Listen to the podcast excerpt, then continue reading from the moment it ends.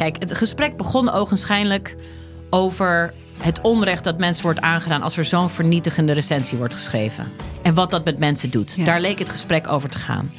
Maar gaandeweg, en dat is dankzij goed redactiewerk van mijn eh, redacteur destijds, blijkt dat die test niet deugt. Via podimo.nl slash gonzo luister je de eerste 30 dagen gratis naar Podimo. podimo.nl slash gonzo. In de podcast Radio Romano met Noortje Veldhuizen Met Marcel van Roosmalen. En met Roelof de Vries. brengen we alle drie elke week een zogenaamde signalering mee. Wat heb jij nou weer bij? En aan het eind bepalen we wie de winnaar van de week is. Echt een angstcultuur Lege huls die je er bent? Ja, dat gaat eigenlijk altijd onvriendelijk. Luister nu naar Radio Romano bij Podimo.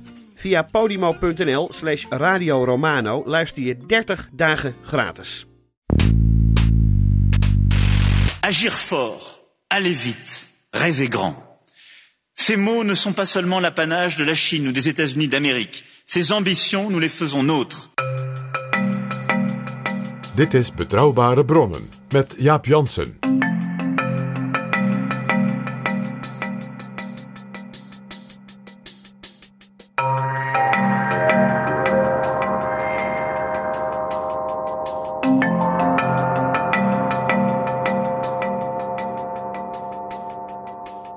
Welkom in Betrouwbare Bronnen, aflevering 272. En welkom ook PG. Dag Jaap.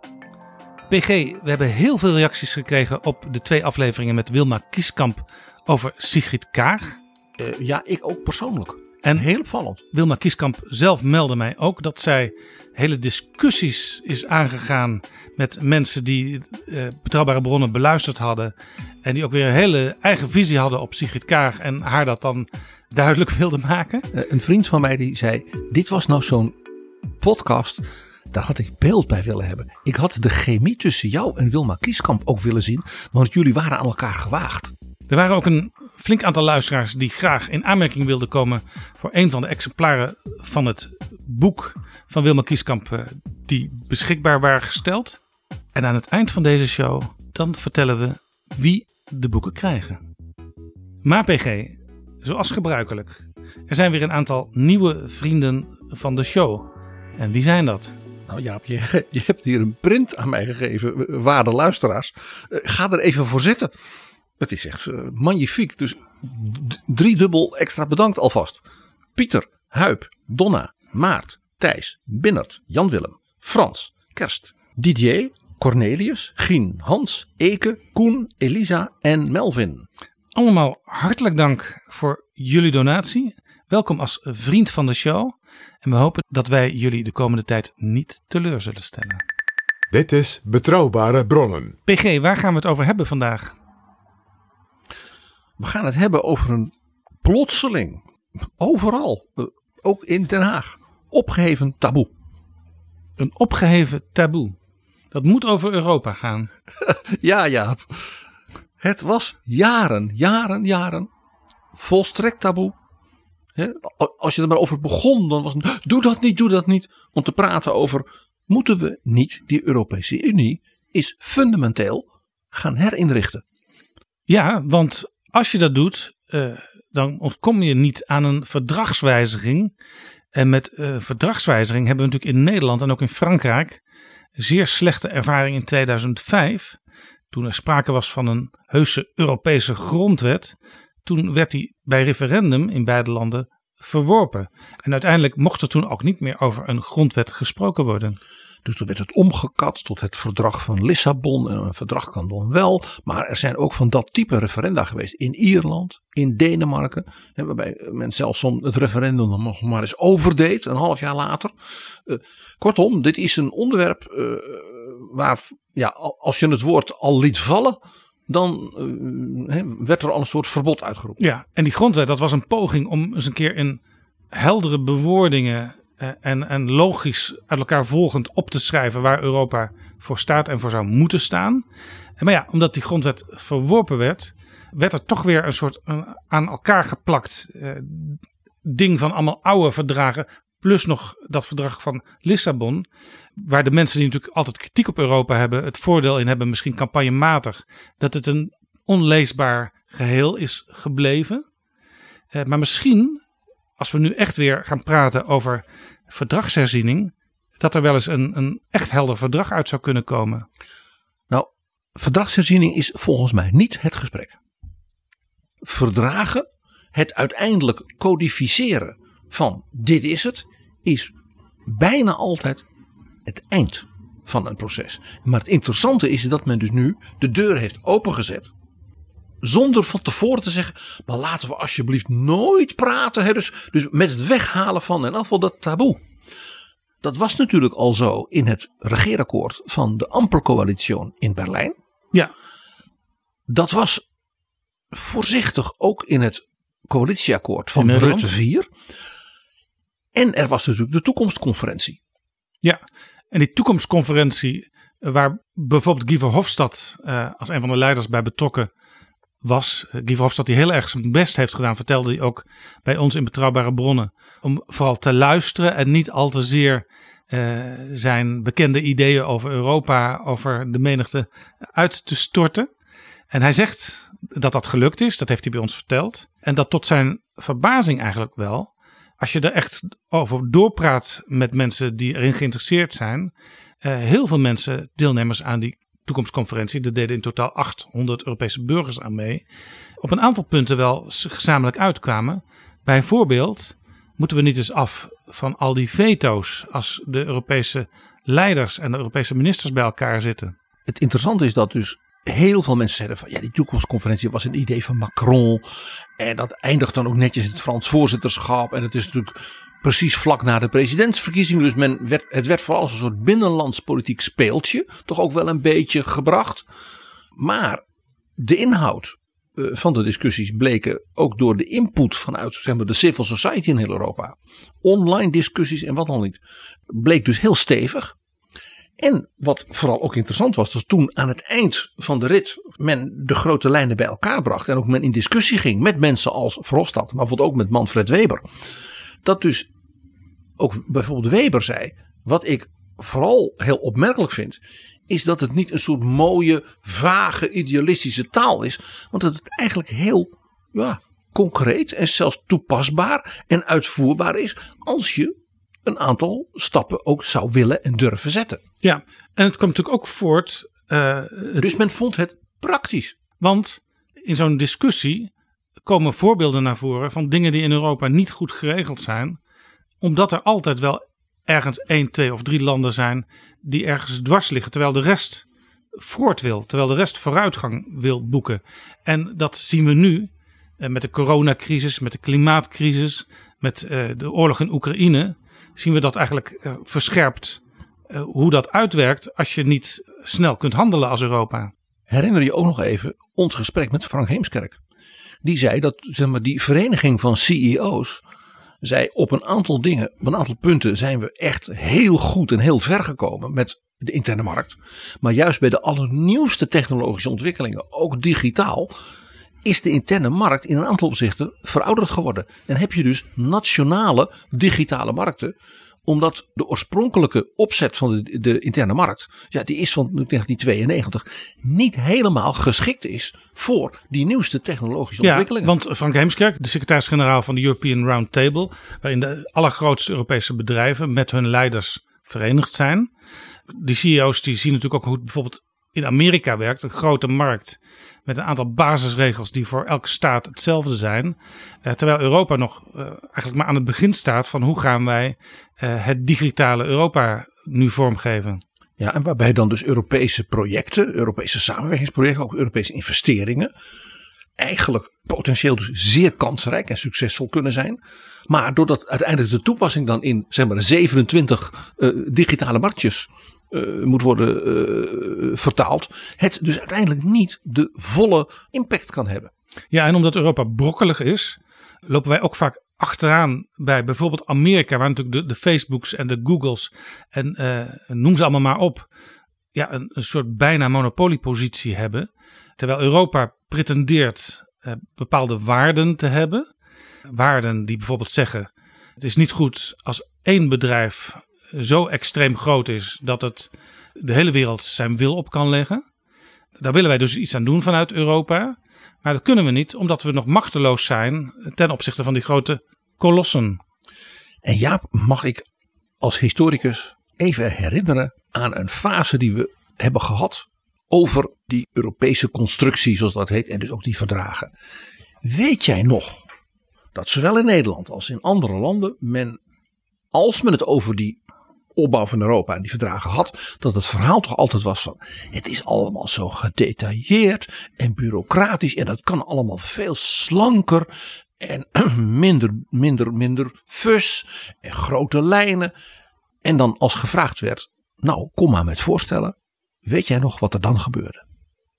Dan gebeurde er meestal helemaal niks. Of na enig aandringen kwam er wel iets. Maar wat was dat dan? Ja, uh, ik geef een voorbeeld uit de, uit de Nederlandse politieke geschiedenis. CDA-leider Sibrand Buma zei als de nieuwe uh, voorman van het CDA tegen het kabinet Rutte. Wij zijn hartstikke pro-Europa. Rutte 2 was dat denk ik? Ja, wij zijn hartstikke pro-Europa als christendemocraten, natuurlijk. Maar het ligt ook van de eurocrisis en Griekenland en dergelijke. Het moet toch allemaal veel minder bureaucratisch en vlotter kunnen en meer op grote lijnen. En het kabinet uh, ja, laat het een beetje afweten. Hij was natuurlijk oppositie aan het spelen. Waarop Rutte, behendig als hij is, zei: Meneer Buma, kom alsjeblieft met goede voorstellen. Ook uit uw Europese familie hè, van de christendemocraten in Europa. U heeft daar vast heel veel mooie rapporten over, over nagedacht. En kom met voorstellen, want die zult u, zult u niet verbaasd zijn. Die zullen bij mij op sympathie kunnen rekenen. Ja, en toen moest Buma wel. Waar kwam die toen mee? Uh, nou, met niet heel veel, dan zeg ik het nog vriendelijk. Uh, het leidde vooral tot veel uh, onmin binnen die Europese christendemocratische familie. Van ja, dat roept die man al wel. Maar er is op dat terrein eigenlijk bijna niks. Het idee dat er als het ware enorme bureaucratische regelstelsels in Europa zijn. die je allemaal zou kunnen afslanken. en dat niemand daar als het ware wat van zou merken als je daarmee zou stoppen in Europa. dat is een mythe. En Buma is dus met een aantal voorstellen gekomen, maar dat, ja, dat was als het ware, uh, noem maar eens wat, uh, uh, bij een optelsom van eventuele beperkingen in bijvoorbeeld de landbouwsubsidies, dat je dan die optelsom wat korter maakt. In diezelfde periode kwam David Cameron vanuit het Verenigd Koninkrijk ook met ideeën over hoe Europa ja, minder stroperig zou kunnen werken en hoe je ook af en toe even een stapje opzij kon doen als je vond dat Europa te snel vooruit ging. Ja, kijk, David Cameron had het zichzelf natuurlijk nog lastiger gemaakt dan Sibrand Buma. Cameron had de kiezers beloofd: als ik de verkiezingen win, dan ga ik aan de Britse burger de vraag voorleggen: wilt u nou in de EU blijven of wilt u eruit? At some stage in the next few years, the EU will need to agree on treaty change to make the changes needed for the long-term future of the euro and to entrench the diverse, competitive, democratically accountable Europe that we seek. Now, I believe the best way to do this will be in a new treaty. So, the next Conservative manifesto in 2015 will ask for a mandate from the British people for a Conservative government to negotiate a new settlement with our European partners in the next Parliament. It will be a relationship with the single market at its heart. And when we have negotiated that new settlement, we will give the British people a referendum with a very simple in or out choice. Dat was natuurlijk tactisch om de UKIP-Farage-kiezers uh, als het ware naar zich toe te halen, of al bij zich te houden. Hè, die dus aarzelden Tory te stemmen dan wel UKIP. En natuurlijk de enorme verdeeldheid op dat punt in de Labour Party. Uh, natuurlijk flink aan te moedigen met dus de vrij anti-Europese Jeremy Corbyn vleugel. En de meer pro-Europese Gordon Brown ja. en de Tony Blair vleugel. En Cameron dacht, als ik nou iets kan regelen met mijn collega's in Brussel. Dan komen we uiteindelijk af van dit tergende gezeik. Wat altijd maar doorgaat. Cameron dacht, als ik nou met een pakket kom uh, van vereenvoudigingen, zeg maar à la Buma. Uh, dan gaan de Europese leiders die natuurlijk willen dat wij blijven en dat er geen brexit komt, die gaan dan door de knietjes. En dan kan ik als een soort triomfator ja, in Londen vertellen: kijk eens wat ik allemaal in Europa heb aangepast en verminderd en versoepeld en, ja, en uh, hebben kunnen regelen. Uh, dus als u voorstemt, als u voor dus we blijven in de Europese Unie stemt, dan stemt u voor de door David Cameron gerealiseerde Britse hervormingen in Europa. Cameron had drie dingen. En als je die terugleest, ik heb een mooi artikel uh, van de BBC, wat ook als link op, in de beschrijving van deze aflevering staat. Uh, dan zie je dat hij drie dingen had, waarvan je ook net als bij Buma kunt afvragen, wat stelde het voor? En de BBC heeft nog even nagegaan, in 2016 al, wat Cameron er uiteindelijk had uitgeslept. Punt 1. Cameron wilde af van eh, het zinnetje dat we streven naar een ever closer union. Nou, daar heeft hij wel iets gekregen, zegt de BBC, namelijk een, een rode kaartmechanisme. Als een aantal landen samen eh, tegen een bepaalde verandering zijn, dan gaat het niet door. Maar dat was er al. Daarvoor al, want bijvoorbeeld Pieter Omtzigt heeft op het gebied van Europese pensioenbevoegdheden toen een heleboel parlementen in Europa voor zo'n ja, kaart jij bedoelt, geregeld. jij bedoelt de gele kaart. Maar dat, Ja. was een, dat was wel een zwakker systeem dan Cameron daar Ja. wilde. Nee, maar Cameron wilde dus die gele kaart als het ware nog wat scherper geformuleerd Ja, hebben. en dat heeft hij wel gekregen. Ja, want de, de Europese leiders die zeiden zoiets van, nou ja, dat, dat is een formaliteit. Ja, wat Cameron ook wilde was dat eh, migranten vier jaar lang geen gebruik zouden kunnen maken van allerlei sociale en eh, belastingfaciliteiten. En daarvan eh, oordeelde de BBC uiteindelijk, nou, er is een compromis gesloten tussen wat Cameron wilde en wat Europa, de rest van Europa uiteindelijk bereid was te geven. En het derde punt, Cameron vond het belangrijk om te benadrukken dat de euro niet de enige munt is die binnen de Europese Unie gebruikt zou mogen worden. Maar dat is natuurlijk ook weer een volstrekte fluim, want er is nooit gezegd. Dat was een open deur. Ja, er is Dat nooit was al zo en dat is ook zo en dat blijft ook zo.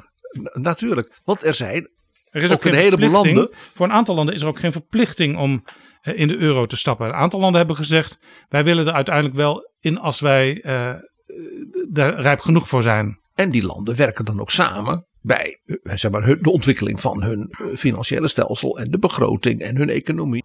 Om toe te groeien daarnaar. Ja, maar als je zegt, Cam- ik, heb, ik, was bang dat de landen die lid zijn van de eurozone.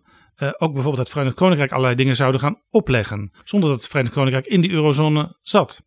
maar daar is nooit sprake van geweest. Dus het was een volstrekte, eh, laat ik zeggen, holle ja, frase voor de andere Europese leiders om te zeggen, dat zullen we nooit doen. Dus ja, Kortom, er waren allerlei ideeën, maar die bleken uiteindelijk toch niet zoveel voor te stellen. En het heeft Cameron ook niet geholpen dat hem enigszins tegemoet gekomen is. Want ik denk dat de gemiddelde Britse referendumstemmer eh, niet eens helemaal begreep waar het over ging. Het punt was natuurlijk dat hij dus niet kon melden, in zekere zin net als Buma, dat, eh, laat zeggen, de wijze waarop Europa georganiseerd was, een overdaad aan, eh, eh, nou ja, ik maar superstaatgedachten en bureaucratie en dat het alles tegenhoudt en wat al niet. Het feit dat hij met deze dingen kwam, toonde aan dat hij dus al die andere elementen van minder bureaucratie, hier dit en meer vrijheid voor dat, dat hij die gewoon niet kon brengen. Omdat daar geen reden toe was. En dat het ook helemaal niet in het Britse belang was. Dat is ook interessant natuurlijk. Om op dat punt bijvoorbeeld allerlei dingen te gaan verminderen, af te schaffen en dergelijke. Cameron kon dus niet naar de kiezer, dat was zijn tragiek. Om in dat referendum te zeggen: Kijk eens, ik heb een groot hervormingsprogramma in Europa in gang kunnen zetten. En dat had de steun van Rutte, dat had de steun van eh, mevrouw Merkel. En dat hebben wij Britten toch maar voor elkaar gekregen. En er is dus alle reden om een soort Brits leiderschap in Europa te ondersteunen. En dus stem allemaal voor dat we blijven. Hij kon dus tegenover het Brexit-verhaal van zowel heel rechts als heel links eigenlijk geen inhoudelijk verhaal houden. Behalve van, nou ja, ik heb nog eens met de collega's gepraat. En we, hadden een paar ideeën. Dus zei ze, ja hoor, het is verder geen probleem. Het resultaat was dat Cameron het referendum verloor en aftrad. En dat we uiteindelijk, jaren later, nu eh, Boris Johnson daar als minister-president hebben. eh, die de potentie heeft eh, dat Groot-Brittannië een, een grote rol kan spelen in de wereld. Misschien is geluk bij een ongeluk wel de oorlog in de Oekraïne. eh, waarin Johnson een aantal initiatieven heeft kunnen nemen. Maar ja, dat, dat kwam eigenlijk niet dankzij de Brexit, maar eh, dankzij Poetin. Nou, het meest opmerkelijke was toch wel de voorbije eh, dagen. Dat er weer een discussie ontstond over het uittreedverdrag van de Britten. Van we regelen netjes welke dingen we moeten doen En welke dingen we moeten invullen om ervoor te zorgen dat, dus niet, dat er geen schade is, bijvoorbeeld aan bedrijven. In dit geval dus ook aan de relatie met Ierland. En het, een de meest opmerkelijke dingen was dat de voormalige Brexit-onderhandelingsminister zich op de televisie uh, vertoonde met een enorme stapel papieren die nu moest worden ingevuld door Britse bedrijven. Uh, en dat was de schuld van de EU die de Britse bedrijven dit soort bureaucratie oplegde. Waarbij iedereen zei, maar jij was de onderhandelaar van de eisen die dus zouden moeten worden gesteld bij het vertrek van de Britten uit de EU dat jullie zelf wilden. Ja. Dat de EU vervolgens dan de Britse bedrijven, Britse organisaties net zo behandelt als bedrijven uit een ander land dat niet lid van de EU is, daar kun je toch niet verbaasd over zijn. Nou, ze waren dus helemaal nog steeds zes jaar na dat referendum onthutst dat dus de Britten eruit waren, geheel vrijwillig, en vervolgens door de EU ja, als gesprekspartner worden beschouwd zoals elk ander land. En Boris Johnson ziet het leven en ook de politiek als een groot spel. En hij verklaarde vorige week dat hij ervan uitging dat de Europese Unie ja, wel zo'n uh, Brexit-verdrag zou sluiten met het Verenigd Koninkrijk. Maar er natuurlijk verder het zich er niet aan zou houden, net als wij. Uh, I agreed it. I hoped and believed that our friends would not uh, necessarily want to uh, apply uh, the protocol in quite the way that they have. We weten onder andere van Michel Barnier, zijn geweldige boek over zijn werk als de, de onderhandelaar. De Brexit-onderhandelaar namens de EU. Dat de Britten permanent inderdaad op die manier met hem in gesprek waren. Voortdurend van, ja dat moet jij natuurlijk nu zeggen. Maar in werkelijkheid, hè, voor de Franse wijnboeren. En dat hij voortdurend ook werd gevraagd van, maar mevrouw Merkel, die laat jou dat nu wel toe dat jij dat zegt. Maar mevrouw Merkel gaat toch wel voor de export van de Mercedes en de Audi's en de BMW's apart met ons zitten. Zo, want die Duitse auto-industrie kan toch niet zonder de Britse markt. Waarop Barnier dan voortdurend tegen de Britten moet zeggen. Uh, nou ja, wat betreft de Duitse auto-industrie. Ik praat met die mensen. Uh, dit doe ik mede namens mevrouw Merkel en Audi, BMW en Mercedes. Dus zullen we nu even doorgaan met onderhandelen hierover. Ja. Dat er permanent niet werd geloofd dat de EU, als het ware, zichzelf en die interne markt zo serieus neemt. Dat men dus niet marchandeert. Ja, het interessante PG is, en daar komen we weer terug bij uh, waar eigenlijk deze aflevering over gaat. Boris Johnson en zijn regering is nog steeds bezig in feite met terug onderhandelen over Brexit. Terwijl de Europese Unie, heel veel landen in de Europese Unie, inmiddels aan het denk, nadenken zijn over een sprong voorwaarts. Ja, het meest opmerkelijke is dat we zes jaar na Brexit. dat idee van dat bevrijdt de Britten van dat vreselijke Europa. Uh, we kunnen nu lekker doen wat we zelf willen. We gaan met iedereen in de wereld vrijhandelsverdragen sluiten. De Britten zijn nog steeds geobsedeerd door die EU. Waarom komt zo'n minister anders met zo'n hele stapel papieren kijken, wat voor bureaucratie we allemaal moeten inleveren? Men blijft dus vastzitten in de oude obsessies van voor Brexit, terwijl Europa zelf allang bezig is, ook door de ja, ontwikkelingen van de voorbije jaren, ook door de economische crisis en natuurlijk nu door de oorlog in Oekraïne, zichzelf op een hele nieuwe manier opnieuw te definiëren in een aantal opzichten daar wou ik het met jou ook over hebben, Ja, zichzelf aan het heruitvinden is. Ja, het interessante is overigens dat, er daar zou eens een onderzoekje naar gedaan moeten worden. Uh, de handelsverdragen die het Verenigd Koninkrijk dan wel opnieuw afsluit met landen, daar staan vaak elementen in die afkomstig zijn uit de Europese regelgeving. Want heel veel landen in de wereld die zeggen dat hebben ze in Europa eigenlijk best wel slim geformuleerd. En dan komt Boris Johnson toch weer terug bij die verfoeilijke bureaucratie. Maar ja, stel jij bent de minister van Handel van Australië. En jij hebt dus met die EU heel uitvoerige afspraken. Dan is het toch buitengewoon onhandig om met een belangrijk groot land, zeker, maar ook in Europa en veel kleiner ja, als handelspartner dan die EU nog weer een heel apart pakket afspraken te moeten maken. Want dat is bureaucratie. Dus hoe meer ze tegen de Britten kunnen zeggen: sluit je nou gewoon aan bij dat verdrag wat we al hebben met Europa. Daar hebben jullie al die jaren toch ook in gezeten. Dus dan hoef je ook niks te veranderen. Dat is vanuit dus die andere landen ook eigenlijk heel logisch. We weten van premier Modi. Premier Modi van India. Ja, dat hij dat ook gewoon ijskoud tegen Theresa May heeft gezegd. En ze dachten dat als wij met India, hè, de pearl in the crown. Dat was ook symbolisch voor Theresa May natuurlijk belangrijk. En Theresa May kwam echt helemaal ontredderd terug. Want die zei, hij wil gewoon hetzelfde handelsverdrag. Met één verschil, namelijk volstrekt vrij verkeer tussen Indiase eh, geleerden, studenten en, en ondernemers en Engeland. Dus take back nog minder control.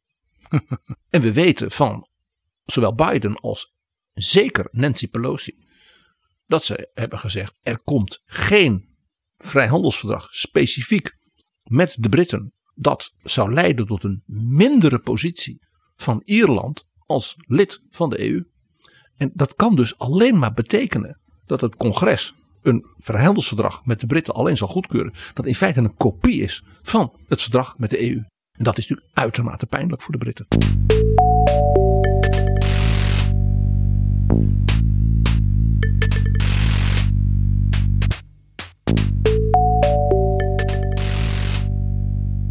PG, we hadden het al over de toekomstconferentie. Daar zijn 49 voorstellen uitgekomen voor hervorming van Europa. En commissiepresident Ursula von der Leyen heeft aangekondigd dat in september de commissie met een plan komt hoe daarmee verder te gaan. En Jaap, op dat punt is er een opmerkelijk nieuw initiatief. Nu al. De volgende lidstaten, en dat zijn niet de minste, hebben als het ware de handen ingeslagen op dit punt. En dat zijn Duitsland, België, Italië, Luxemburg, Nederland en Spanje. Dat zijn dus eigenlijk de, de oprichters, met uitzondering van Spanje, van de Europese Unie. Eh, waar Frankrijk niet bij staat, want Frankrijk heeft natuurlijk met Macron al allerlei initiatieven genomen. Onlangs nog onderstreept op 9 mei in de speech van Macron in Straatsburg. Op de dag dat ook die toekomstconferentie werd afgesloten. En Frankrijk is natuurlijk nu voorzitter van de EU. Dus het zou raar zijn als het voorzitterschap als het ware met een paar andere landen een zo'n brief aan zichzelf zou schrijven. Dus dat is de reden. Wat zeggen die vijf dus echt belangrijke en ook zeg maar klassieke EU-lidstaten. Plus Spanje. Plus Spanje, wat natuurlijk een belangrijk land is ook in het zuiden. Die zeggen, ja, we moeten die toekomstconferentie als een, ik citeer nu, special opportunity beschouwen. We hebben hier als het ware een toolbox, een handvat van burgers en de civil society.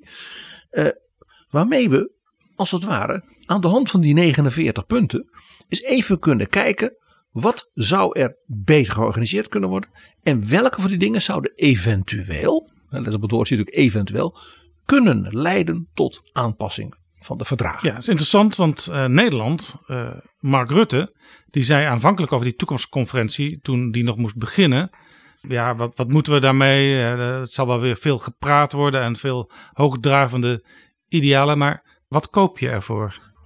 Het was dus ook interessant dat Mark Rutte na die speech van Macron van 9 mei ineens zei: ja, daar zaten toch wel hele uh, uh, boeiende en constructieve gedachten in.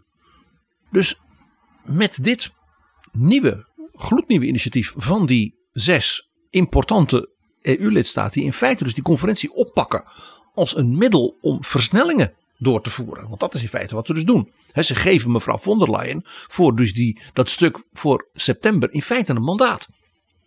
En willen natuurlijk ook even bij zitten. Ze er tegenaan bemoeien, want zo gaat dat in onderhandelingsprocessen. Ja, ze willen graag een instelling van een ad hoc werkgroep die een coördinatie moet gaan doen van al die discussies. Dat is interessant, want ad hoc dat zegt dat het tijdelijk is. Want er wordt ook al geroepen in de Europese Unie om een uh, conventie in te stellen. En ja, dat weten we uit die tijd van uh, het verwerpen van die grondwet. Die conventie die leidt uiteindelijk echt tot een nieuw verdrag. Ja, dus wat deze landen nu doen, is dat ze von der Leyen als het ware een, ook weer een handvat geven. Om niet meteen gedwongen te worden tot een soort conventie samen te roepen. En dan krijg je weer een heel gedoe. Maar als het ware via zo'n ad hoc club waar natuurlijk deze landen graag ook zelf in zitten, dat is ook duidelijk, versnellingen mogelijk te maken en uiteindelijk misschien wel zo'n conventie. Uiteindelijk. Ja, het interessante is dus, PG, dat Emmanuel Macron als uh, voorzitter dit half jaar van de Europese Unie uh, eigenlijk in heel veel opzichten steun lijkt te krijgen. Jij kunt je nog herinneren, Jaap, dat we aan het begin van dat half jaar samen vooruitkeken. En toen zeiden die Macron heeft en zijn herverkiezing en een zeer vol bord geschreven van dingen waarvan hij vindt dat het nu moet gebeuren in Europa. Laten we eens even gaan kijken wat Macron heeft voorgesteld in Straatsburg. Overigens, PG, Draghi, de Italiaanse premier Mario Draghi, eh, die sprak een aantal dagen eerder ook in Straatsburg. Die deed dat natuurlijk uitermate slim en charmant en bracht ook ineens een groot Europees visioen. I padri dell'Europa ci hanno mostrato come rendere efficace la democrazia nel nostro continente nelle sue progressive trasformazioni. L'integrazione europea è l'alleato migliore che abbiamo per affrontare le sfide che la storia ci pone davanti. Oggi, come in tutti gli snodi decisivi dal dopoguerra in poi, servono determinazione, visione, ma soprattutto unità.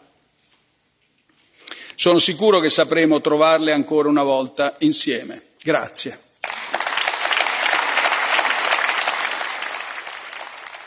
Hij stak Emmanuel Macron toch een beetje de loef af. Dat zal dus misschien tot enig gevloek hebben geleid in het Elysée. Maar goed, eh, Macron moet ook hebben gedacht: wat Draghi wil, dat wil ik ook. En ik denk dat ze in Parijs ook hebben gezegd: kijk, Draghi wil ook hiermee even laten zien dat er natuurlijk in Europa nu, zeker na het vertrek van mevrouw Merkel, een echte senior is onder de leiders. En dat is Mario Draghi. Dat is niet Olaf Scholz. En uh, Macron is herkozen, dat is ook mooi. Hè, maar dat is nog een jonge vent. Maar hè, Draghi is toch een wandelend monument. Toen, toen Macron zijn speech begon in Straatsburg, zei hij: Ik heb slecht nieuws. Ik ga een speech houden. Maar ik heb ook goed nieuws. Ik ga niet alles herhalen wat ik al eerder heb gezegd. Uh, nou, als je naar die speech luisterde, was dat niet helemaal waar. Uh, maar goed, PG, wat heeft Macron voorgesteld? Macron hield in feite een hele mooie, klassieke Franse Europa-speech. Wat het meest opviel was dat we het eigenlijk allemaal wel al eerder hadden gehoord. Precies. Hij werd er zelfs een beetje mee geplaagd na afloop door zeg maar, mensen die uh, politiek wat uh, van een andere kleur waren dan hij. Uh, bijvoorbeeld, men wees erop, en dat was terecht, dat een groot deel van zeg maar, de nieuwe Europese constructie die hij schilderde, dan heel erg leek op een bijna identieke gedachte van François Mitterrand. En dat was natuurlijk ondeugend. François Mitterrand, die alweer bijna 40 jaar geleden de president was. En ook president van Frankrijk. Maar geen liberaal. Dat was een socialist. En die ideeën van Mitterrand werden later opgepakt door een Duitse christendemocraat met een grote naam in Europa, die een vergelijkbare gedachte op tafel legde. Wolfgang Schäuble. En daarvan kan je ook niet zeggen dat het een linksliberaal is. Dus Macron werd een beetje geplaagd met. Hij bouwt voort op de gedachten van deze socialistische icoon en deze christendemocratische icoon. En ik, ik, ik heb wel eens in Frankrijk onderzoek gedaan naar het internationaal beleid, maar ook naar het Europa-beleid. En daar zag je toch ook vaak dat allerlei ideeën uit het verleden, ook van generaal de Gaulle, president de Gaulle, eh, dat die eh, in de loop van de historie in soms een nieuwe verpakking weer terugkwamen. Ja, je raadt al een klein beetje waar ik, wat mijn analyse betreft, langzaam naartoe ga. Want er zit in een aantal van de elementen van Macron een, vandaar ik zeg, het is een hele klassieke Franse speech, hele herkenbare gaullistische elementen. En misschien kan dat van een Franse president ook niet anders. Mitterrand bouwde, hoewel hij natuurlijk een groot opponent van de Gaulle was, hè, zelfs zijn tegenkandidaat in 1965, maar bouwde toch heel erg voort, hè, ook met Helmut Kohl samen, op dat Rijnlandse model van Adenauer en de Gaulle. Ja, dat is het interessante. Uh, Macron die heeft zich eigenlijk altijd gepresenteerd als een kandidaat van het midden. Hij komt zelf oorspronkelijk uit de Socialistische Partij, maar hij heeft een heleboel mensen ook uh, van de conservatieve kant heeft hij minister gemaakt. Um, En eigenlijk is er in Frankrijk misschien toch uiteindelijk meer continuïteit dan dat er echt breuken in de geschiedenis zijn van de naoorlogse politiek. Ja, dat zou je, als je op die manier naar deze speech kijkt, zie je daar elementen van. Bijvoorbeeld, Macron zegt: We hebben die prachtige Unie, maar er zijn ook allerlei landen die wel heel veel met Europa willen. Bijvoorbeeld op het gebied van vrijhandel, bijvoorbeeld op het gebied van toegang tot de interne markt, of rondom zeg maar, politieke uh, uh, zeg maar, gezamenlijke belangen. En die willen of kunnen of hoeven niet volledig lid te worden. Dus ze hebben een unie, maar je zou als het ware daar lagen omheen kunnen organiseren. Van een soort, het woord B-lidmaatschap uh, kan je natuurlijk niet gebruiken, maar meer als het ware een soort uh, allianties rondom die unie. Ja, de directe aanleiding hiervoor voor Macron is uh, dat Oekraïne op de deur van de EU staat te kloppen. En kandidaat lid wil worden. Wat nog helemaal niet wil zeggen dat het dus lid moet worden. Dus Macron zoekt eigenlijk naar een middel, een methode om Oekraïne er dichterbij te betrekken zonder dat het land meteen echt serieus EU-lid wordt. Nou ja, hij heeft zich laten ontvallen door te zeggen: het duurt misschien wel decennia voordat Oekraïne zover is. Dat is opgevat door sommigen als hij wil ze eigenlijk er helemaal niet bij. Dan wel als een soort uh, uh, afstandelijkheid.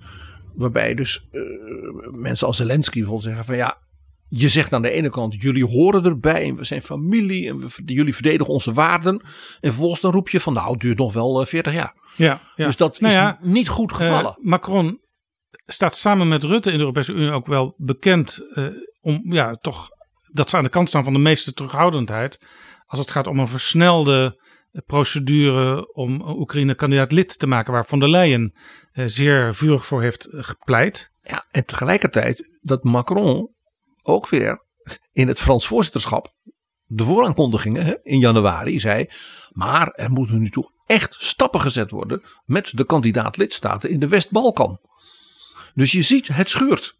Mede natuurlijk door de plotselinge uh, grote geopolitieke ontwikkelingen. Ja, overigens, Macron heeft ook nog ergens afgelopen week een opmerking gemaakt die helemaal niet in goede aarde viel in Kiev.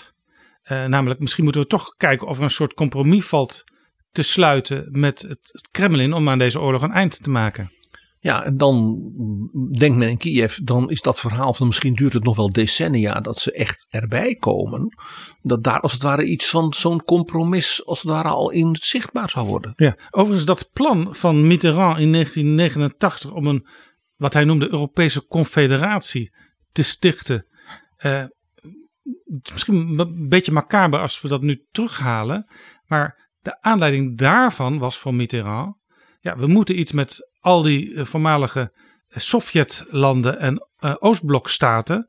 En het is natuurlijk, ligt natuurlijk niet voor de hand dat bijvoorbeeld Rusland meteen EU-lid wordt. Maar ze kunnen wel in die schil eromheen gaan meedraaien. Er was op dat moment ook nog geen sprake van het Rusland zoals we dat nu kennen, maar van de Sovjet-Unie.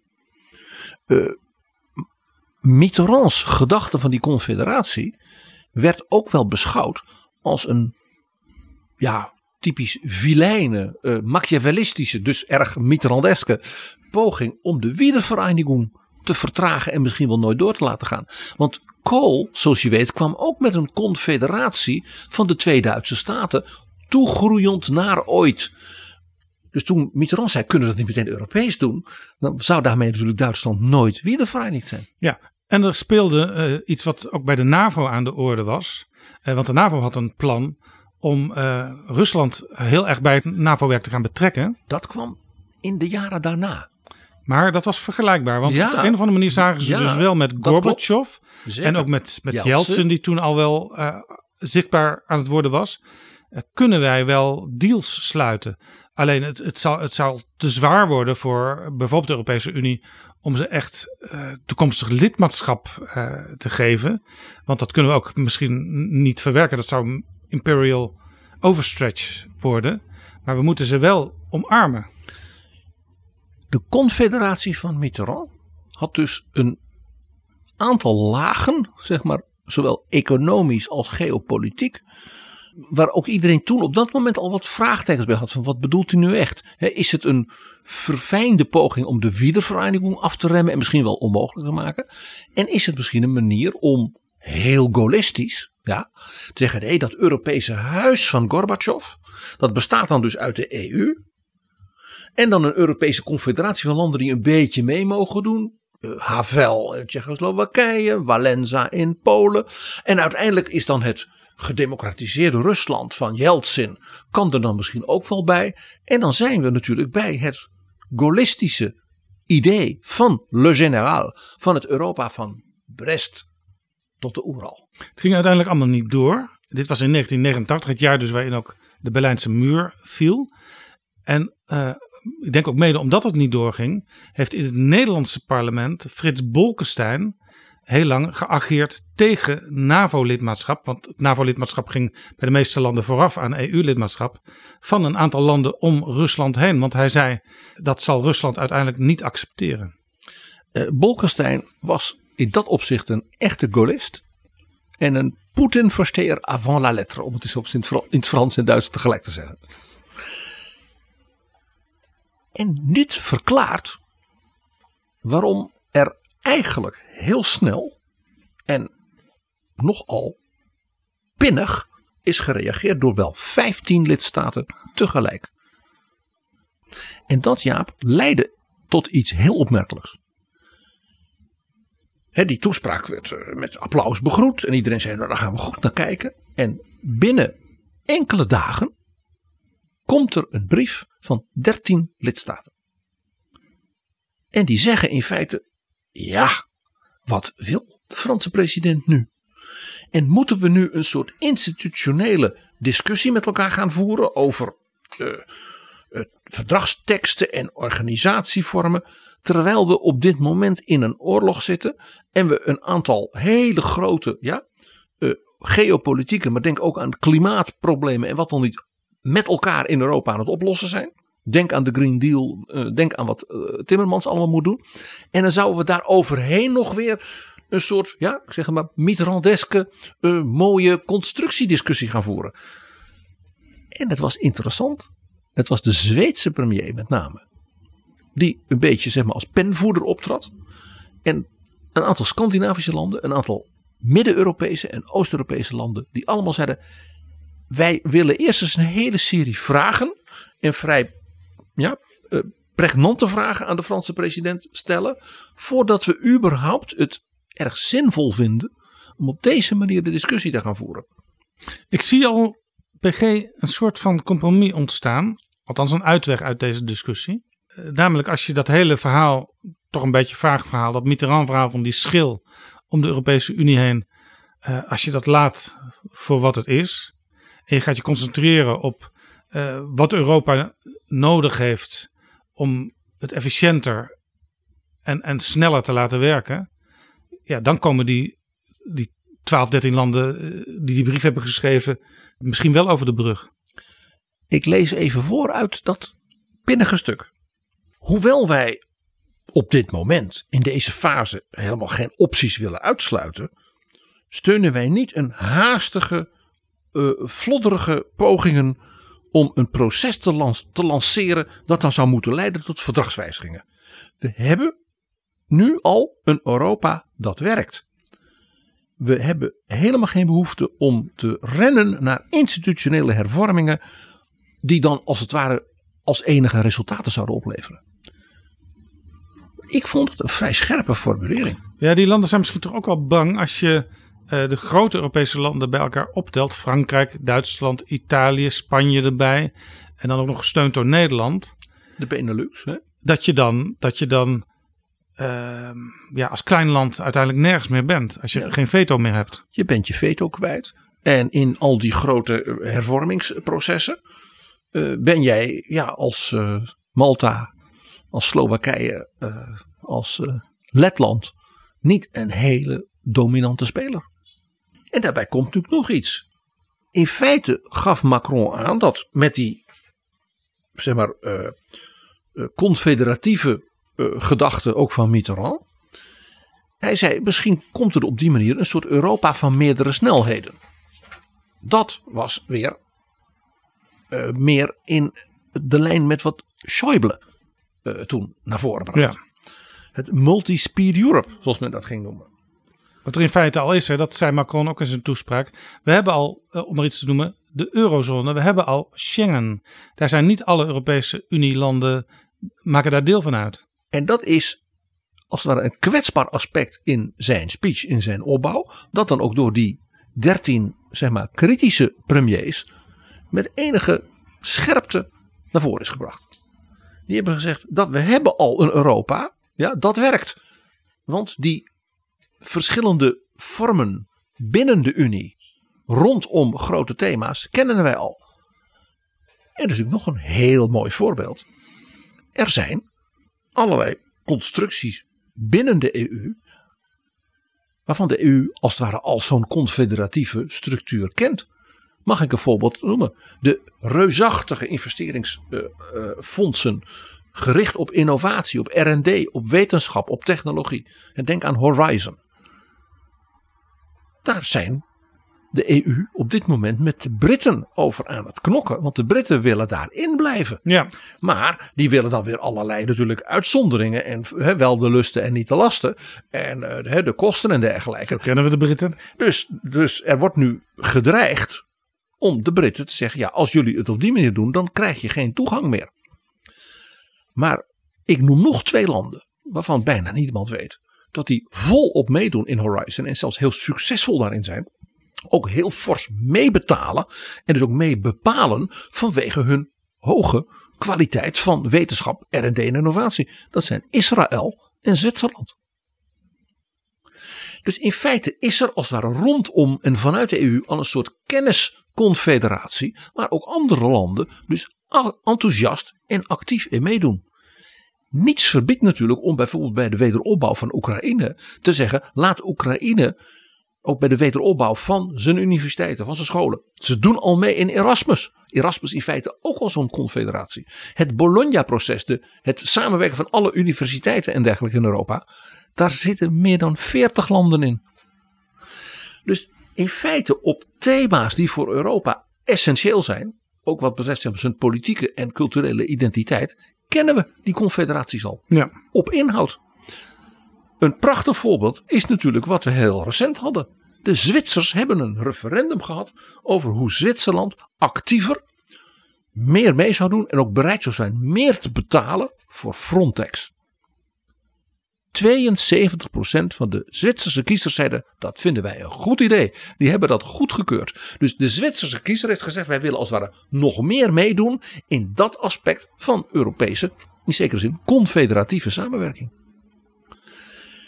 Dus die dertien kritische uh, premiers, die hebben op dat punt eigenlijk richting dus de voorzet van Macron eigenlijk wel een scherp punt geagendeerd. Wat wil de Franse president nu eigenlijk? Dus eigenlijk hoort Macron nu kort voor het zomerreces van 13 schoolmeesters. Je moet dit examen nog maar eens overdoen. Uh, ja, een soort herexamen. Ja. Nou, nog een voorbeeld. Je moet de speech van Wopke Hoekstra in Maastricht op diezelfde 9 mei. Ja, kort nadat Macron had gesproken, sprak in Maastricht Wopke Hoekstra, de Nederlandse minister van Buitenlandse Zaken. En die speech moet je eens naast die van Macron leggen. Want wat zegt Wopke Hoekstra? Nederland is een land dat vanaf de oprichting heeft gezegd: wij moeten ons lot met elkaar verbinden in Europa. En dat moet je echt doen. En hij zegt dus à la carte lidmaatschap, een à la carte gedrag, dat ondermijnt uiteindelijk de solidariteit.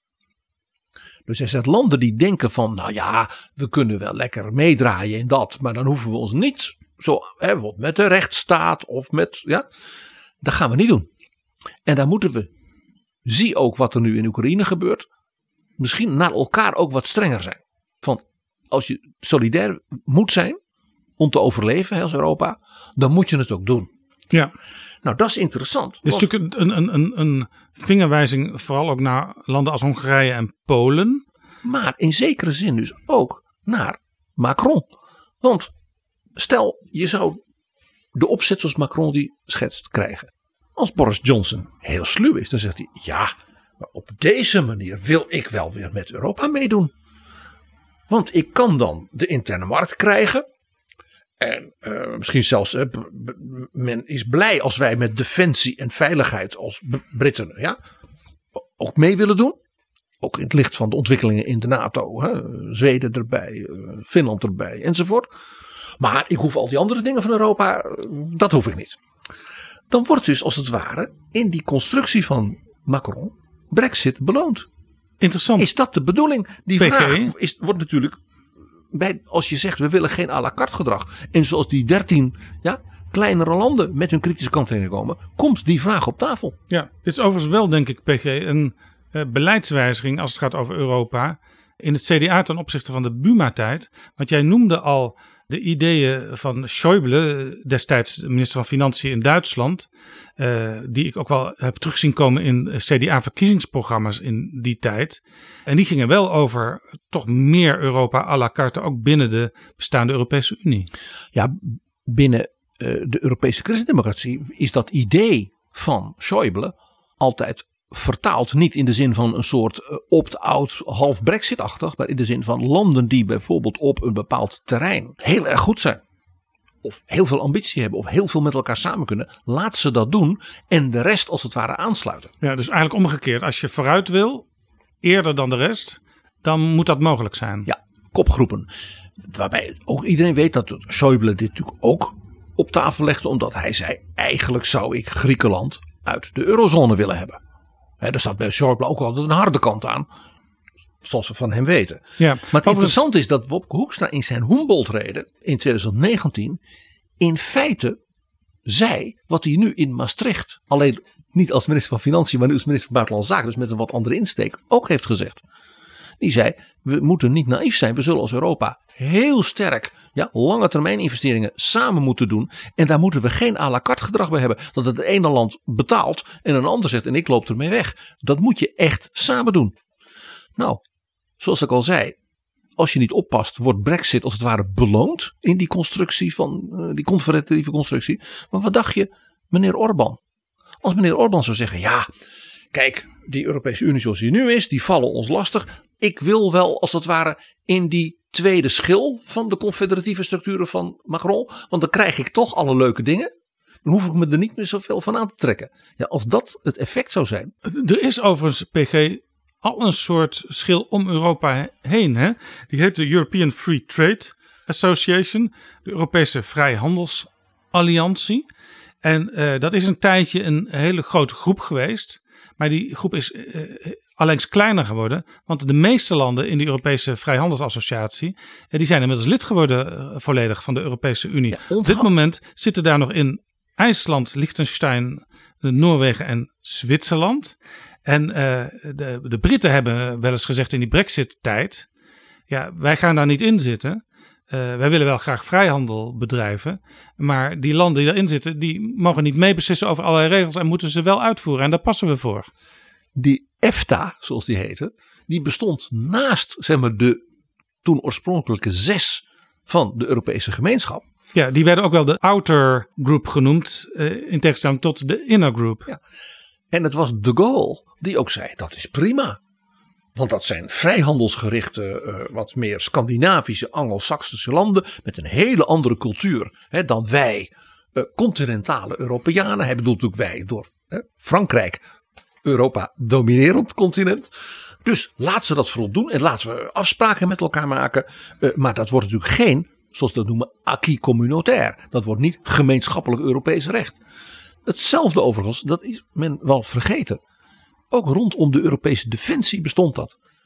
Want heel oud is de West-Europese Unie. En dat was in feite een voortraject binnen West-Europa van de NATO. Wat je dus ziet, Jaap. En dat roept dus ook weer vragen op, zoals die kritische brief van die 13.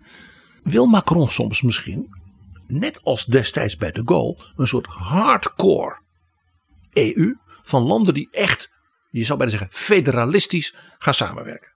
Zie het Duitse regeerakkoord. Zie ook zelfs het Nederlandse regeerakkoord. En dan andere landen in een soort schilder omheen die niet zo ver willen gaan. Of misschien nog niet zo welvarend zijn. Hè, Portugal, Griekenland. Dan zijn ze wel lid, maar een beetje minder. En dan daaromheen nog weer een schil. Ja? En dan uiteindelijk mag dan Zelensky en Oekraïne ook in zo'n schil. Ik denk dat Portugal niet blij is met wat je nu zegt, uh, PG. Nee, maar dat argwaan wordt als het ware gewekt door de wijze waarop Macron dit gebracht heeft. En dat zie je dus in die brief. Dus, dus Macron is in vele opzichten een volleerd zoon eh, van generaal de Gaulle. Want de Gaulle die deed ook voorstellen waarvan veel collega's in Europa dachten: wat zit hierachter? Hoe moeten wij dit interpreteren? En dat was niet zonder reden, want de Gaulle was natuurlijk iemand met een hele krachtige, echt lange termijn visie op hoe hij Europa zag. Is het een idee uh, de? Jazeker, jazeker. nou ja, nog weer even zo'n dingetje wat dus een vraag is die Macron in feite heeft opgeroepen, maar nog niet beantwoord. Dat is als je nou dus Europese defensiesamenwerking gaat krijgen. Of ik wees al op Horizon.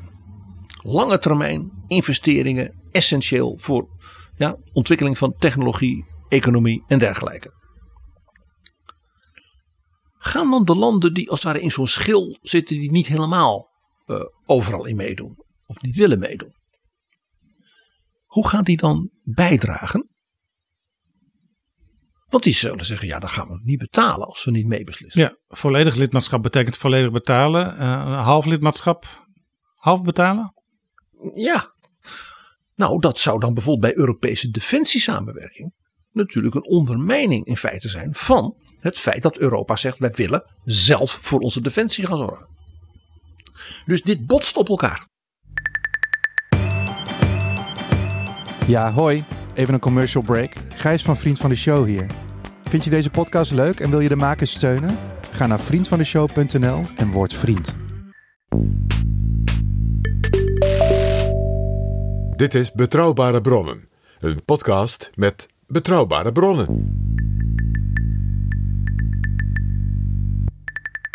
Ondertussen, PG, is het Europa van alle dag bezig alle initiatieven te nemen. Denk maar aan wat afgelopen woensdag openbaar gemaakt werd. De, de, de detailinvulling van het plan van Frans Timmermans Repower You. Ik was erbij op 10 maart in Straatsburg toen hij eigenlijk op een A4'tje had uh, allerlei plannen, ideeën over hoe Europa heel snel uh, energie onafhankelijk kan worden van Rusland en ook van het Midden-Oosten. Dat wordt nu steeds verder ingevuld.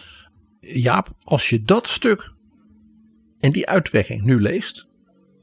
En je legt dat naast, ik zal maar zeggen, de speech van Macron.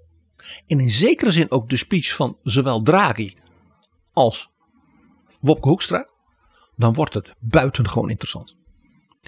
Want dat stuk van Timmermans gaat in een aantal opzichten veel, veel verder dan Macron. Uh, Timmermans is natuurlijk ook geen Gaullist.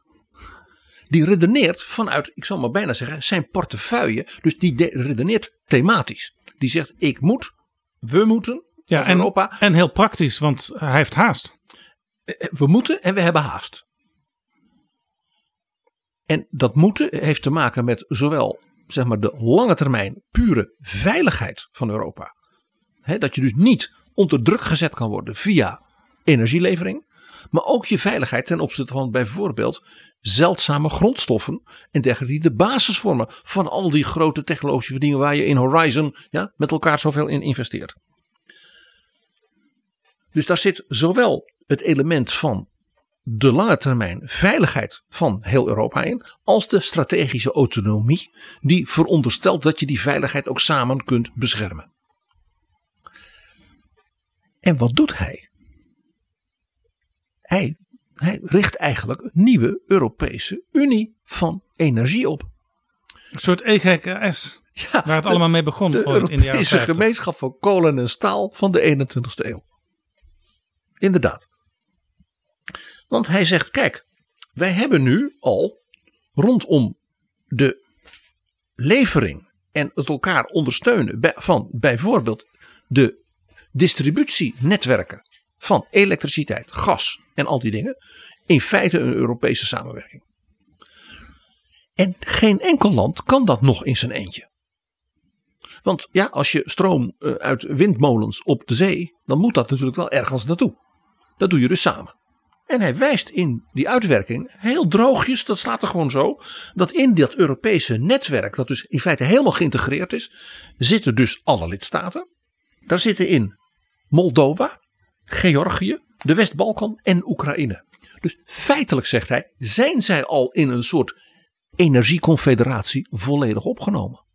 Ja. Daarbij meldt hij ook nog, en willen we die infrastructuur moderniseren en daarmee ook beveiligen hè, voor, voor dus uh, greep van anderen, dan zullen we dat ook moeten doen met dus vloeibaar aardgas. Want dat komt dan ergens aan in een haven en dat moet dan wel door heel Europa. Dan moet je wel op elkaar kunnen rekenen.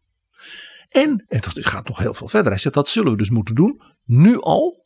Dus van tevoren afspreken met alles op het gebied van waterstof als nieuwe energie. Hm. Want dat kan niet één land in zijn eentje meer ontwikkelen. Technologisch, qua distributie uh, en alles erop en eraan. Ook Duitsland niet, ook Frankrijk niet. En in zekere zin zegt hij dus in feite, die energieunie die Europa hiermee aan het vormen is. Ja, dat is net als met de Europese ruimtevaart. Geen land kan dat in zijn eentje. Maar als je het samen doet, ontwikkel je je dus tot een topgebied in de wereld. Die dus leidend kan zijn. En wat Frans Timmermans dus doet, waar Macron misschien nog heel abstract is en Ja, dus institutioneel. oproept, vult hij het praktisch in.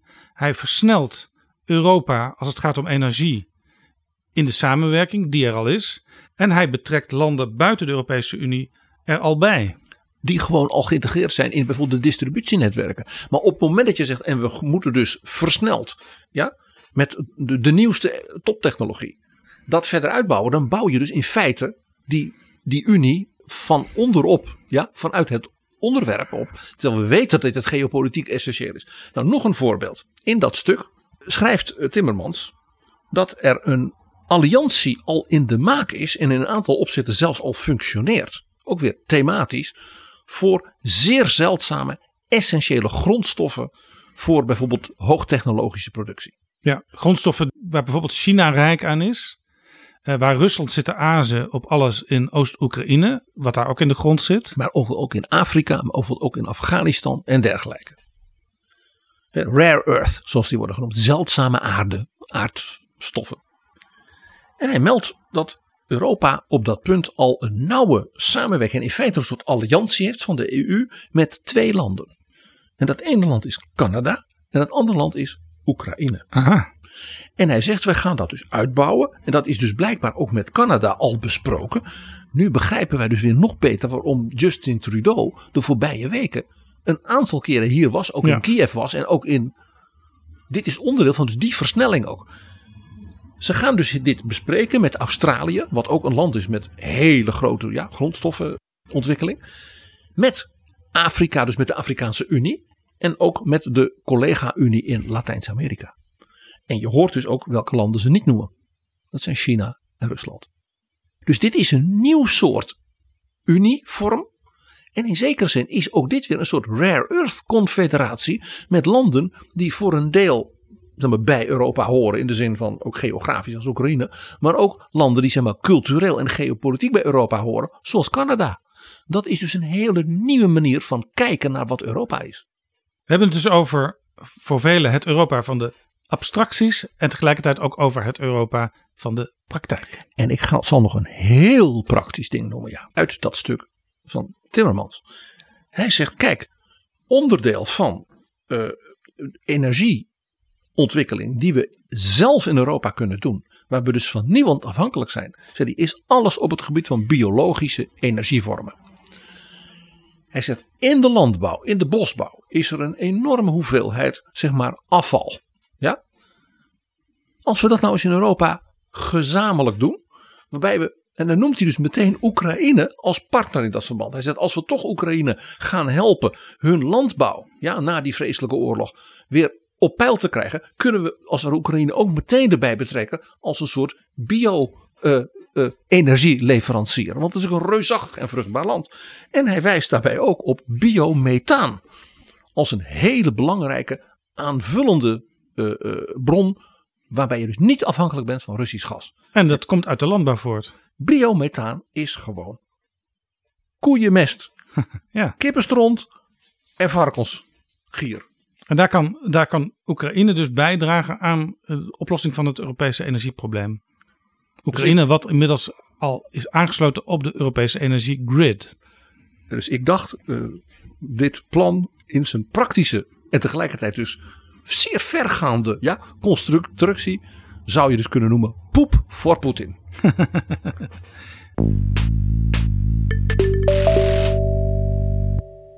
PG, we hebben het uh, gehad over de ideeën van Macron en hoe daarop gereageerd wordt. Macron is nog even voorzitter van de Europese Unie dit half jaar. Er zijn natuurlijk binnenkort, na de Franse presidentsverkiezingen die Macron gewonnen heeft, parlementsverkiezingen. Ook in twee ronden weer. Wat gaat daar gebeuren? Ik heb een opiniepeiling gezien. Hij is al even geleden van 10 mei. De, de partij van Macron 26 procent.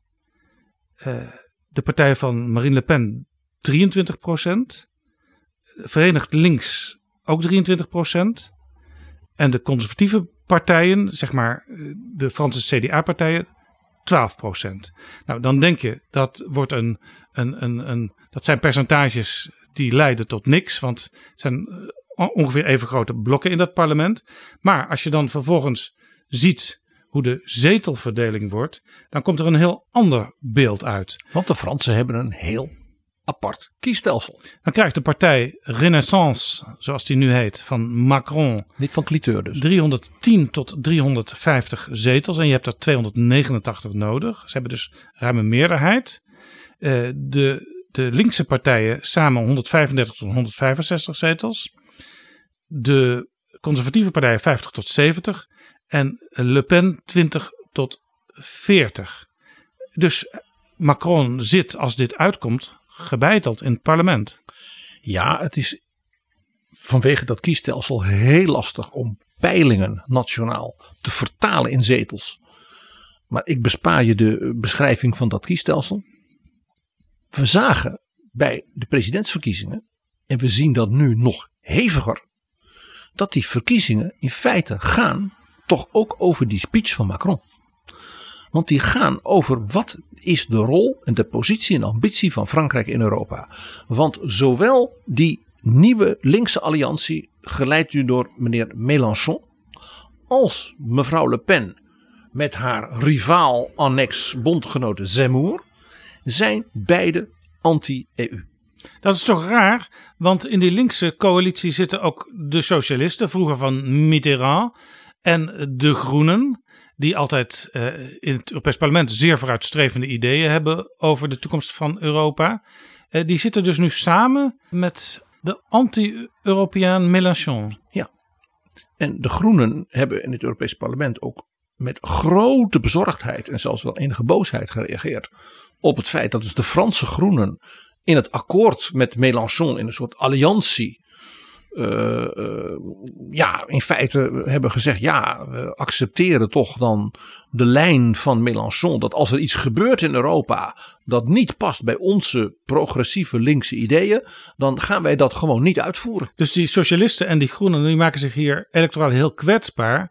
Uh, want kiezers in Frankrijk die zeggen: ja, de ideeën van Macron, daar ben ik het eigenlijk in grote lijnen wel mee eens. En dat waren ook altijd redenen waarom ik vroeger op de socialisten of op de groenen stemde. Dus ja, moet ik nu op Macron gaan stemmen, op die partij? Ja, dat is dus het punt. Uh, als dus die linkse alliantie uh, zich laat domineren door de, zeg maar, de beetje de anti-EU vleugel op links. En daar ziet het dus naar uit. Uh, dat, dat, heeft ook geleid tot grote onmin binnen nou ja, de restanten van die socialistische partij. Dan zal dus Macron naar de kiezer gaan of zijn partij Renaissance hè, met de nieuwe premier mevrouw Borne. Die zou dus naar de kiezer gaan die zeggen van ja wilt u Frankrijk ja, een leidende rol in Europa en dat we samenwerken en ook tegen Poetin. Ja dan moet u dus niet op die linkse partij stemmen en op mevrouw Le Pen en die zijn moeder dat wisten we al niet. Dus die verkiezingen die konden wel eens veel meer over Europa en Frankrijk gaan dan van tevoren waren gedacht. Ja, het is dus eigenlijk een geluk bij een ongeluk misschien wel voor Macron dat hij Mélenchon zo slim onderhandeld heeft met die andere linkse partijen. Want hij kan daar nu flink tegen ageren. Ja, en hij kan dus nu heel tactisch gaan inspelen op de verdeeldheid. En dat doet hij ook al, want Elisabeth Borne, jij noemde haar al, de nieuwe eh, premier-ministre eerste vrouw sinds 1992 toen Edith Cresson ja, de primeur had. En je denkt dan altijd, pas de tweede vrouw als premier. Maar dan denk je vervolgens aan Nederland, waar we er nog helemaal geen gehad hebben. Uh, zij komt uit de Socialistische Partij en zij heeft zich altijd bezig gehouden. Overigens heel uh, uh, pragmatisch en technocratisch vaak. Met dingen die links wel belangrijk vindt. Zij was minister van Sociale Zaken, van Werkgelegenheid en dergelijke. Dus zij is iemand die vrouwelijke kiezers en kiezers op midden links als het ware kan aantrekken. Ja. Nou, om je een voorbeeld te geven over hoe diep dus de, de, de verdeeldheid en ook de toestanden binnen de Franse uh, maar de linkervleugel is. Uh, president Hollande, oud-president oud-president François Hollande heeft dus openlijk gezegd: ik vind dat akkoord met de groep van Mélenchon, ja, dat staat volstrekt haaks op les valeurs républicain van mijn partij. Zoals ik dus onder Mitterrand. Ja, en die, en die valeur républicain die dus ook Europese waarden zijn. En die heeft dus gezegd: ik ben diep ongelukkig uh, hierover. En toen heeft dus de PS-afdeling in Tulle de grote stad in Corrèze, waar hij dus vandaan komt, tegen hem gezegd: dan donder je maar op. Als jij met Macron Macron-beleid wil voeren, dan ga je maar naar Macron.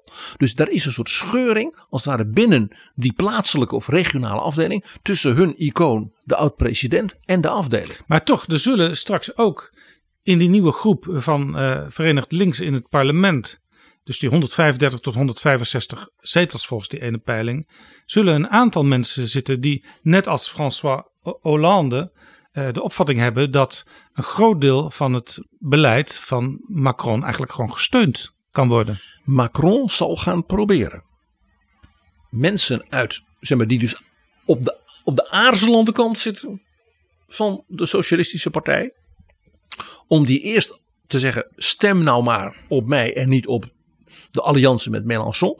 En als mensen dat dan toch niet doen, want ze zijn hun club trouw en ze zijn links en dergelijke. Dat hij dus individuele Kamerleden daar misschien wel gaat proberen te lokken. Door te zeggen, ja, u laat zich uh, in uw fractie voortdurend onderpoetsen. Hè, door die extreem linkse anti-Europa club. Is dat nou waar u voor staat? Ja, en er zijn natuurlijk altijd ook in zo'n nieuw parlement aan de conservatieve kant, eh, zoals we dat allemaal noemen. Je kunt ook zeggen de, de, de eh, familieleden van de, de Christen-Democraten in Europa. De oude Gaullisten ook. Uh, ja. Ook hele populaire kandidaten die gewoon altijd weer gekozen worden. En die het Europa-beleid ook zullen steunen. dus Macron zal denk ik dus in zeg maar, meer behoudend Frankrijk en in gematigd links Frankrijk nog een keer, net als vijf jaar geleden, proberen mensen naar ze toe trekken. Om dus die extremen nog verder tegen de muur te drukken. Ja, dus, het, dus de verkiezingsuitslag van die tweede ronde. Dat is ook niet meteen het einde van het verhaal. Want in dat nieuwe parlement gaat ook nog van alles gebeuren. Dat denk ik wel. En die verkiezingsuitslag zal dus ook weer voor Europa en de discussie over de speech van Macron en de überhaupt de hele discussie waar we dus nu in zitten, van misschien wel veel grotere betekenis zijn dan we eerder hadden gedacht. Daarbij, als Macron hierin zou slagen. En dus een parlement heeft dat hem zeg maar, ten volle steunt. En hij zelfs nog met wat extra steun kan rekenen. Dan wordt zijn positie natuurlijk interessant. Want hij weet dat hij in Europa één iemand heeft.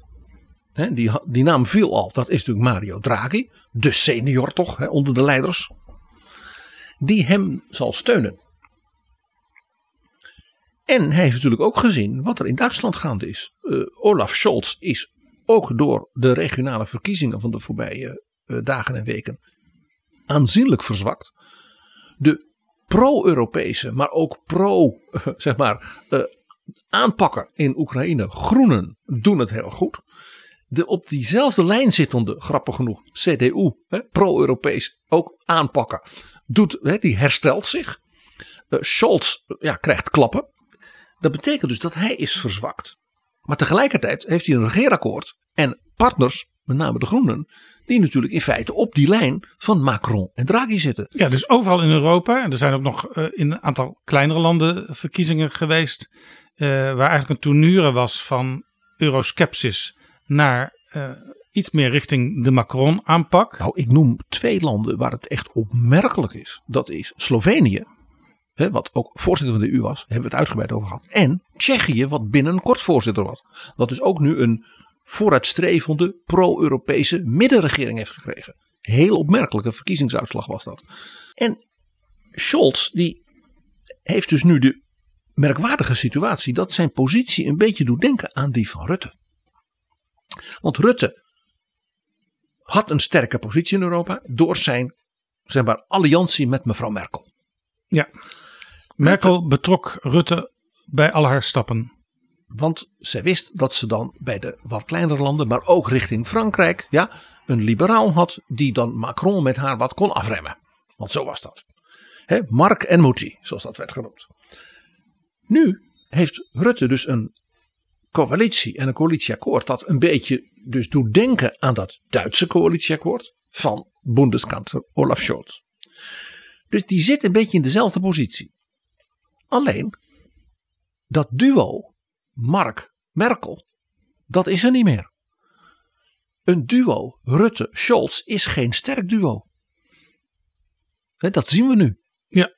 Dus de positie van Nederland is dus opmerkelijk veranderd. Was Nederland sterk omdat Mark Rutte de paladijn van de kanslerin was?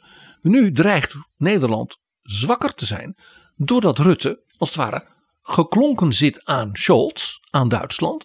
En Macron in feite dus met anderen, zowel in Duitsland als in Italië, dus leidenden in Europa. En Macron kan concluderen, net als bij Scholz in Duitsland, Rutte heeft een zwakkere positie.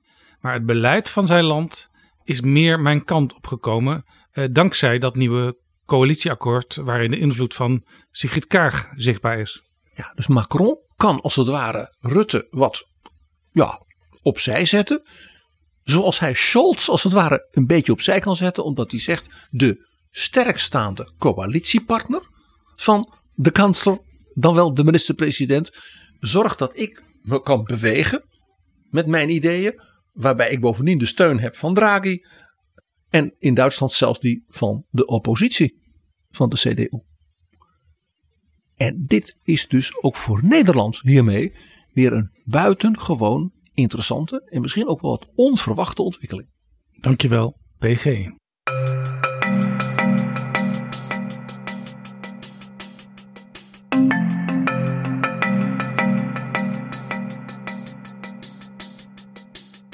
Zo, dit was Betrouwbare Bronnen aflevering 272. Deze aflevering is mede mogelijk gemaakt door de Europese Unie en door de vrienden van de show. Mensen die met een donatie nog veel meer afleveringen mogelijk maken. Dankjewel daarvoor. En uh, we geven soms iets terug. Zo zijn er nu vijf exemplaren van het boek van Wilma Kieskamp over Sigrid Kaag. Waar je als vriend van de show naar kon meedingen. We hebben heel veel reacties gehad. En mensen schrijven ook vaak iets over Sigrid Kaag of over betrouwbare bronnen. Bijvoorbeeld Prudence en Jaap. Ook hier in Frankrijk worden betrouwbare bronnen en dus ook Sigrid Kaag met grote belangstelling gevolgd. Waar zouden we zijn zonder Jaap en PG? En Casper uit Leiden, eh, die schrijft... Los van dit tweeluik, alle lof voor de afleveringen tot nu toe. Veel waardering voor de diepgang en de eindeloze hoeveelheid nieuwe inzichten die jullie bieden. Ga zo door. Nou, en dan ook nog eh, mensen die zich afvragen, bijvoorbeeld uh, Raymond uit Huizen. Hoe zou het toch komen dat Nederland nooit een vrouwelijke premier heeft gehad? En dan filosofeert hij nog wat door over Sigrid Kaag. Zij is kennelijk de ultieme nachtmerrie van menig kleingeestige man van domrechtse snit. En dan uh, was er ook nog Thijs, die het boek wilde hebben voor een vriendin die door Sigrid Kaag wordt geïnspireerd. En het in zich heeft tot een inspirerend leider zich te ontwikkelen. Dus het boek over Kaag als een soort handboek voor vrouwelijk leiderschap. Maar er waren ook heel veel mensen die ja, gewoon zeiden: Ik wil dat boek graag nog lezen. Ook al heb ik die twee afleveringen al gehoord. Want Kaag is nog steeds best moeilijk te doorgronden. En ik ben heel nieuwsgierig wat ik in dat boek nog aantref. PG, ik ga bekendmaken naar wie het boek gaat. Het boek gaat naar Lieselotte in Nieuwegein.